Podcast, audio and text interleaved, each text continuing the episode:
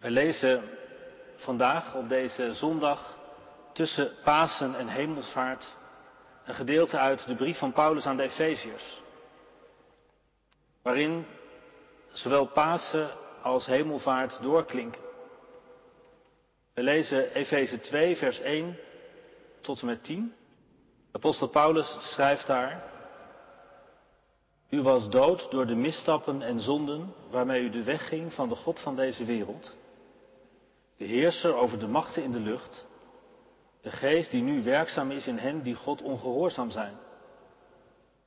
Net als zij lieten ook wij allen ons eens beheersen door onze wereldse begeerten.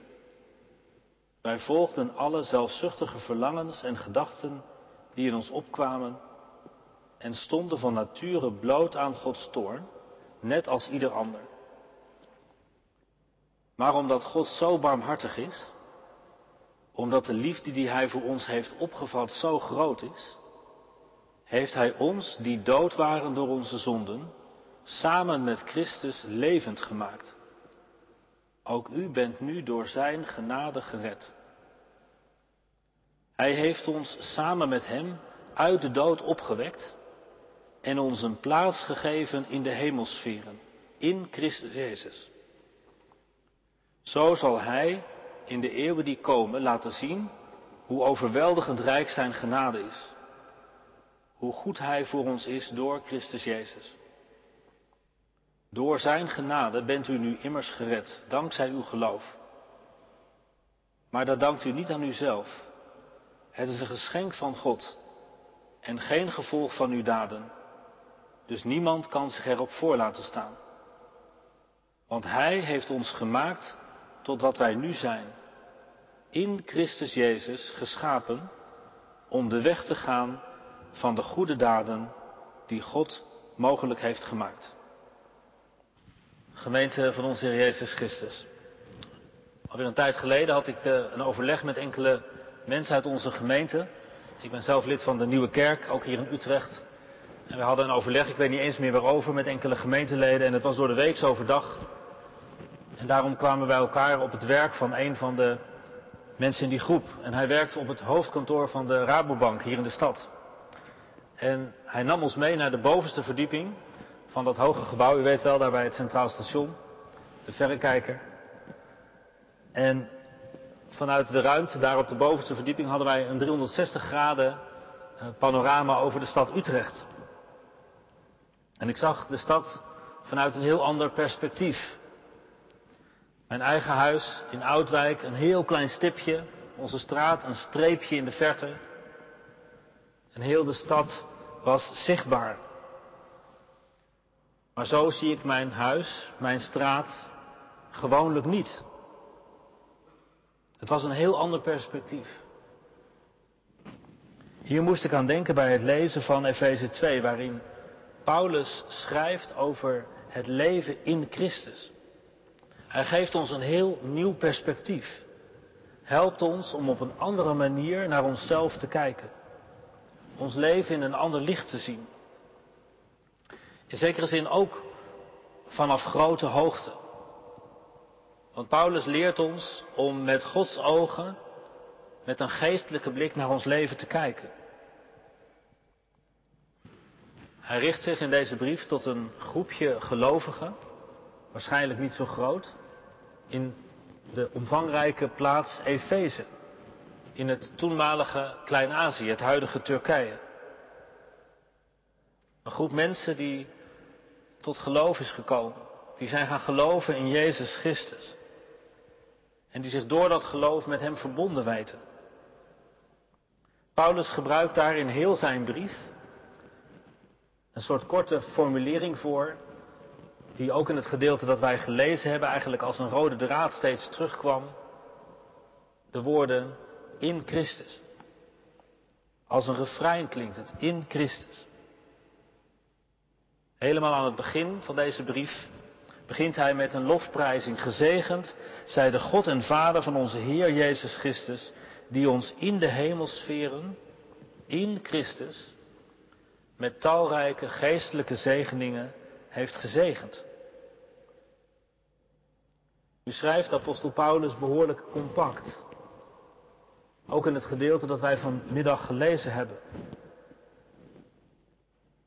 Zo is in het Grieks dit gedeelte, hoofdstuk 2, vers 1 tot en met 10, één zin. In het Nederlands bijna onmogelijk om hem voor te lezen. Vandaar ook dat de vertalers van de nieuwe Bijbelvertaling ervoor hebben gekozen om hem in stukjes te knippen. Maar in feite is het voor Paulus één gedachtegang, één lange zin, één beweging waarin hij beschrijft de weg die God met ons wilde gaan en die hij wil gaan. En Paulus beschrijft hier de rijkdom van Gods genade, de grootheid van zijn liefde. Maar hij doet dat onder andere door een schril contrast te schetsen. In de eerste verse kijkt hij terug op een leven zonder Christus. En hij doet dat in stevige, niet mis te verstaande bewoordingen. Hij zegt tegen de Efeziërs, dat was eigenlijk helemaal geen leven. Jullie waren dood door de zonde. Jullie tasten in het duister. Jullie lieten je net als andere mensen die God niet kennen leiden door verkeerde verlangens. En jullie stonden onder invloed van de geestelijke macht die deze wereld in zijn greep houdt. De tegenstander van God. En om die reden waren jullie kinderen van de toorn. Kinderen van de toorn. Met andere woorden, om die reden was God diep verontwaardigd over het leven dat jullie leiden. Het helpt mij persoonlijk altijd in het spreken en denken over de toorn van God. Dat die toorn de keerzijde van zijn liefde is. Datgene wat ons het meest kostbaar is. Daarover worden we waarschijnlijk het meest emotioneel, het meest boos als het beschadigd of aangedaan wordt.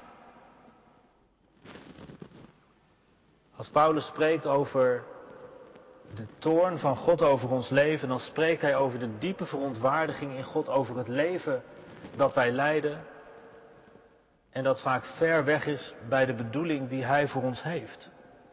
Ver onder de maat is. Zo ver onder de maat van wat hij met leven bedoeld heeft, dat hij zegt het is eigenlijk dood. Dood door de zonde. Je voelt al aan dat Paulus in zwart-wit taal spreekt. Niet diplomatiek is in zijn taalgebruik. Ik zou me zomaar voor kunnen stellen dat als je hier vanmiddag bent en twijfelt of dat in Christus voor jou geldt, of dat je misschien zoekend bent of het helemaal niet zo goed weet, wat je wel of niet gelooft, dat dat enorme zwart-witte waar Paulus mee begint, dat je dat stoort of dat je dat moeilijk vindt. Maar Paulus wil door zijn taalgebruik als het ware mensen wakker schudden. Hij wil zeggen, kijk eens goed, kijk eens eerlijk. En voor hem is het denk ik ook zo dat er twee manieren van leven zijn. Buiten Christus en in Christus. En in dit gedeelte richt hij zich dan tot die mensen die in Christus zijn. En dan komen we bij de regels waar ik vanmiddag op deze zondag tussen Pasen en Hemelvaart de vinger bij wilde leggen. Waar Paulus zegt, maar omdat God zo barmhartig is, omdat de liefde die Hij voor ons heeft opgevat zo groot is, heeft Hij ons die dood waren door onze zonden samen met Christus levend gemaakt. Ook u bent door zijn genade gered. Hij heeft ons samen met hem, met Christus, uit de dood opgewekt en ons een plaats gegeven in de hemelsferen. In Christus Jezus. Maar God, in zijn grote barmhartigheid, zo vertaalt de Statenvertaling het. Wat een krachtige woorden. Niet maar wij, maar wij zijn tot ander inzicht gekomen. Wij hebben ons bekeerd. Wij zijn een andere weg ingeslagen. Wij zijn gaan geloven. Nee, maar God. In zijn grote barmhartigheid. Hij heeft het initiatief genomen. Hij heeft ingegrepen in zijn zoon Jezus Christus. En dan worden er twee dingen benoemd. Paulus zegt, hij heeft ons in Christus, met Christus, levend gemaakt. Zoals Jezus is opgestaan uit de dood, zo heeft hij ons nieuw leven gegeven. En hij heeft ons in Christus een plaats gegeven in de hemelsfeer. In de hemel. Vanmiddag wilde ik vooral ingaan op dat laatste. Wat dat dan betekent. Maar het is natuurlijk onlosmakelijk verbonden met het eerste. Wij die dood waren door de zonde, hebben door het geloof deel gekregen aan nieuw leven. Zoals Christus is opgestaan uit de dood en God hem heeft opgewekt, zo delen wij in dat proces van sterven en opstaan. Dat is wat de doop symboliseert. Kopje ondergaan, verdrinken, sterven en weer opstaan, weer bovenkomen. Dat is de boodschap van Pasen. Jezus leeft en ik met Hem. Doordat Hij leeft, is het in de kracht van Zijn opstanding, waar Paulus over spreekt in Efeze 1, in de kracht van Zijn opstanding mogelijk om ook een nieuw leven te leiden, om anders te leven.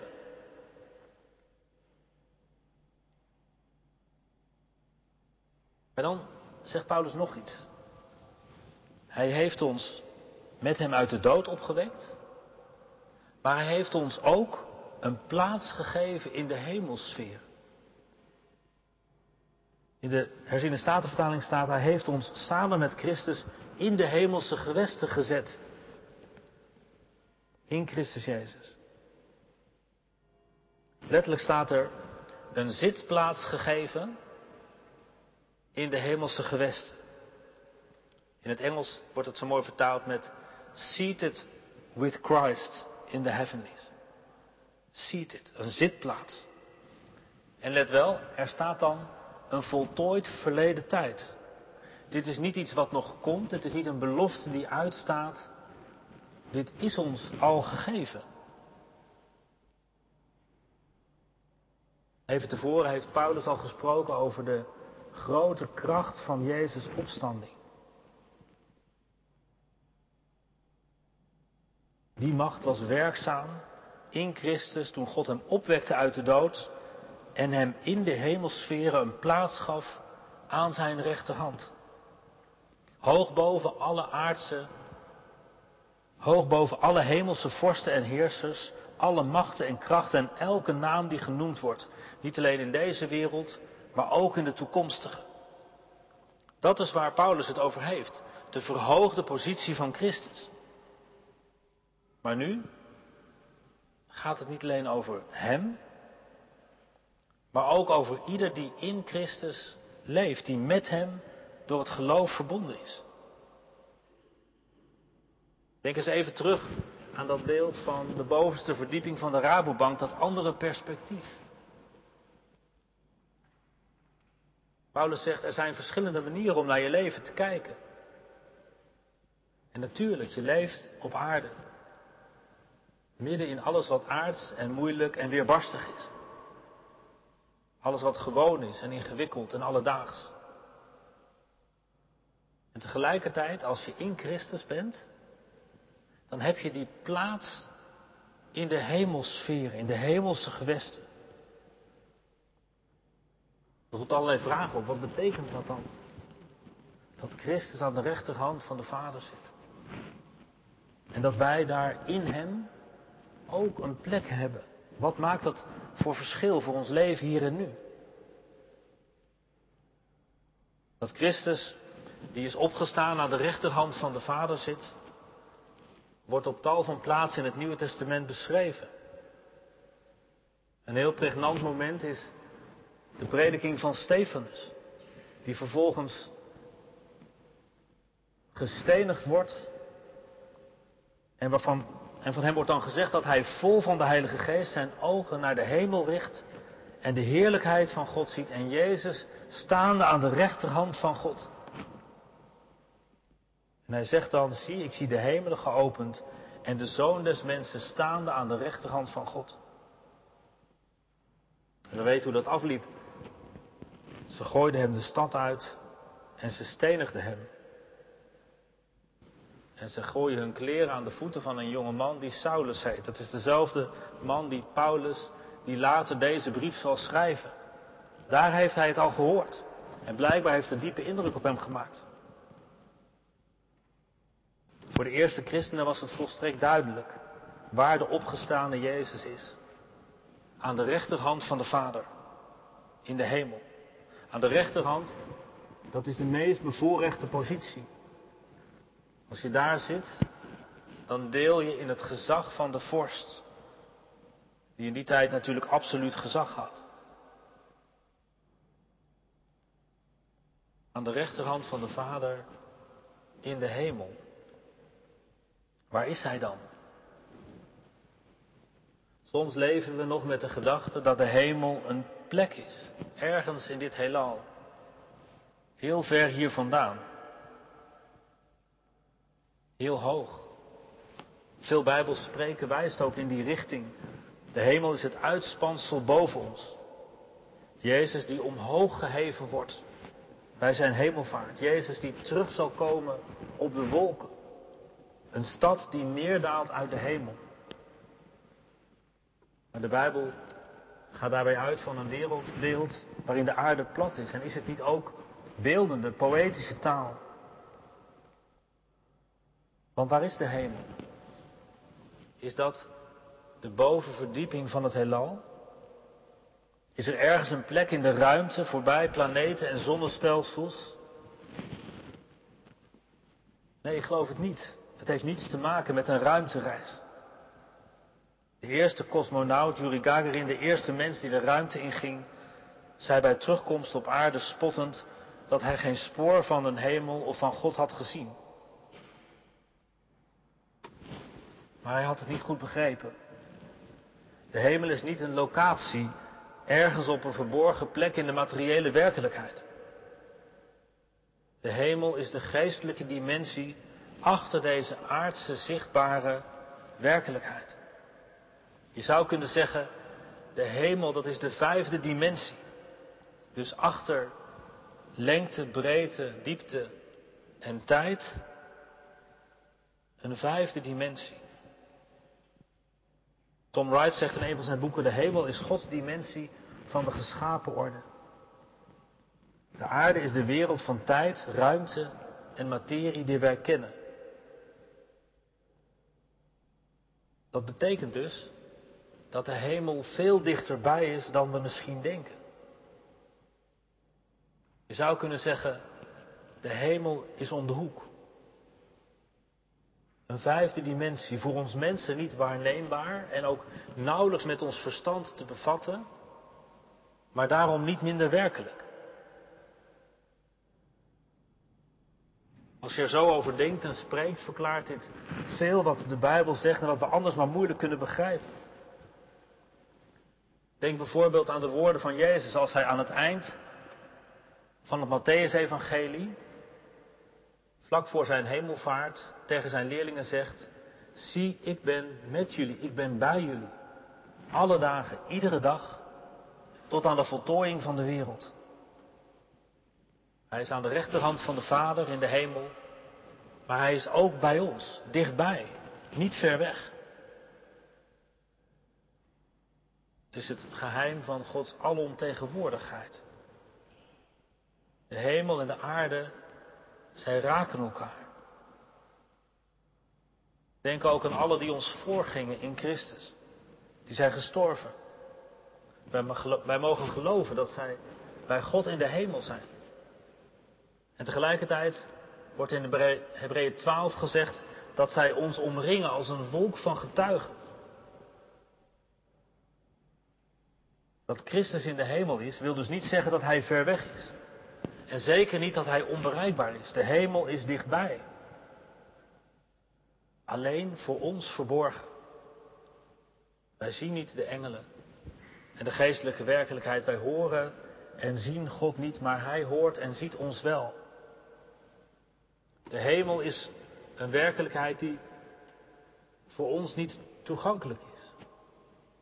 Of wel? Want wat bedoelt Paulus dan als hij zegt dat wij met Christus in de hemel gezeten zijn? We zitten toch hier met elkaar in de Jacobikerk. Wat wil het dan zeggen dat ons een zitplaats in de hemelse gewesten is gegeven? In Christus.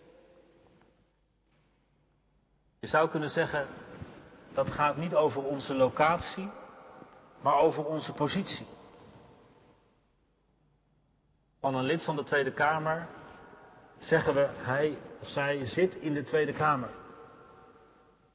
Dat betekent niet dat hij of zij 24 uur per dag, 7 dagen per week op zo'n blauwe stoel in de bewuste zaal aan het binnenhof zit. Nee, hij of zij heeft die positie.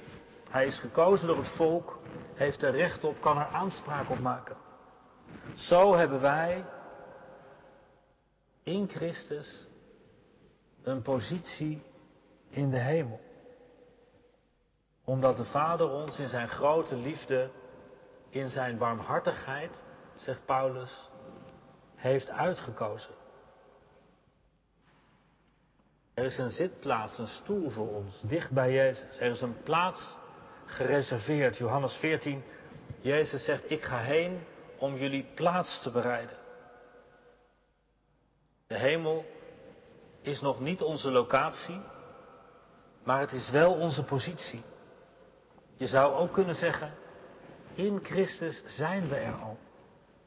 Want als Hij er is, dan zijn wij er ook. Want, zegt Paulus, wij zijn in Hem. En Hij is in ons. In Hem hebben wij toegang tot Gods troon in de hemel.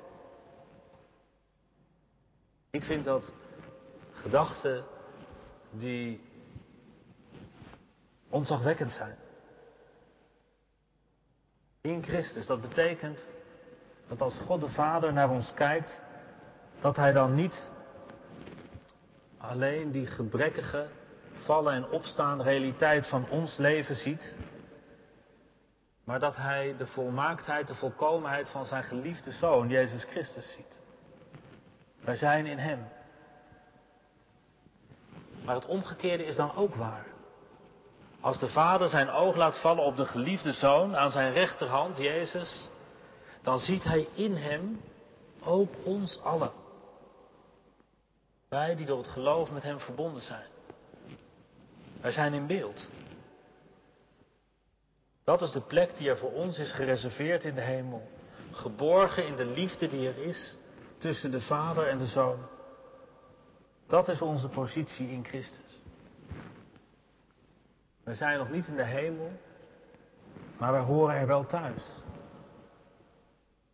In die zin zal Paulus later ook schrijven dat wij als vreemdeling in deze aardse wereld geworden zijn.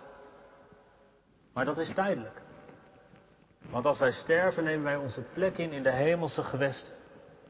En dat is dus niet een plek hier ergens ver vandaan, boven de wolken, achter de sterren. Nee, dat is die geestelijke dimensie van de werkelijkheid. En straks als Christus terugkomt, dan zullen hemel en aarde weer één worden. Dan valt de scheiding weg. Hemel en aarde worden dan weer één ononderbroken werkelijkheid. Zij die gestorven zijn, ontvangen een nieuw lichaam. God zelf zal in ons midden zijn, zegt het boek Openbaring.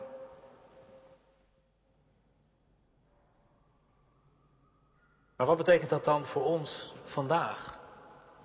In ons gewone dagelijkse leven, in ons werk, in ons gezin, in ons staan in de wereld. Een wereld waarin de hemel vaak onwerkelijk lijkt, onzichtbaar is. Ik zou vier dingen willen noemen. In de eerste plaats mag het ons een geweldige rust geven in ons leven als gelovigen. De Chinese voorganger Watchman Nee heeft een beroemd boekje geschreven over de Efezebrief. Waarin hij het christelijk leven aan de hand van de Efezebrief beschrijft in drie woorden. Dat is ook de titel van het boekje. Zitten, wandelen, stand houden. Zitten, wandelen, stand houden. Het begint met zitten. Met rusten in alles wat God voor ons heeft gedaan. Onze redding, het nieuwe leven dat Hij in Christus voor ons mogelijk heeft gemaakt, is voor de volle 100% Gods werk. Het is genade. Onze positie is zeker en hangt niet af van ons falen of slagen in ons leven als christen. Het begint met seated in Christ. Onze positie in Christus. En daarna gaat hij in dat boekje in op die twee andere woorden wandelen, ons leven in de wereld en stand houden. De strijd die dat soms met zich meebrengt. Maar het begint met zitten, de positie die je in Christus hebt. Door Gods genade. Dus het mag ons rust geven. Het tweede wat die gedachte van dat gezeten zijn in de hemelsferen met Christus met ons mag doen, is dat het ook invloed heeft op onze prioriteiten in het leven hier en nu. Paulus zegt bijvoorbeeld in Colossense 3, als u nu met Christus uit de dood bent opgewekt, streef dan naar wat boven is, waar Christus zit aan de rechterhand van God. Richt u op wat boven is, niet op wat op aarde is.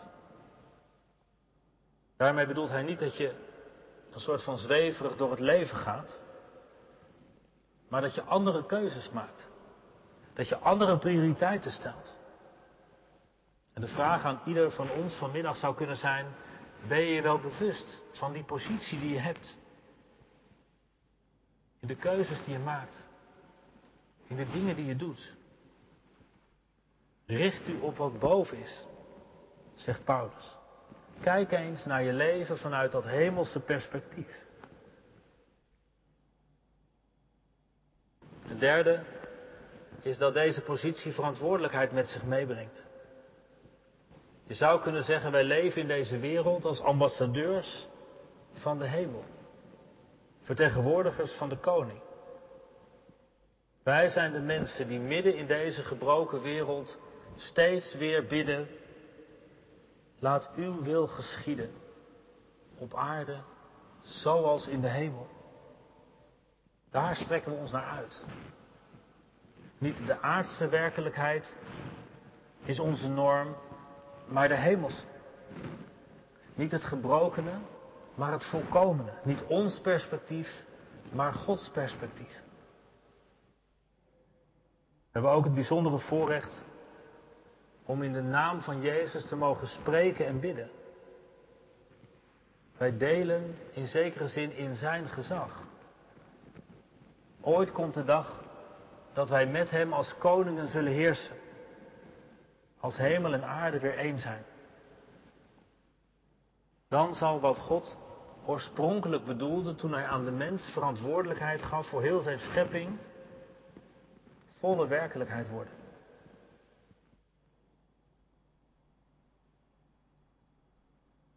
Paulus schrijft zijn brief aan een klein groepje gelovigen in een grote stad Efeze, waarin de meerderheid van de mensen Jezus en God niet kennen.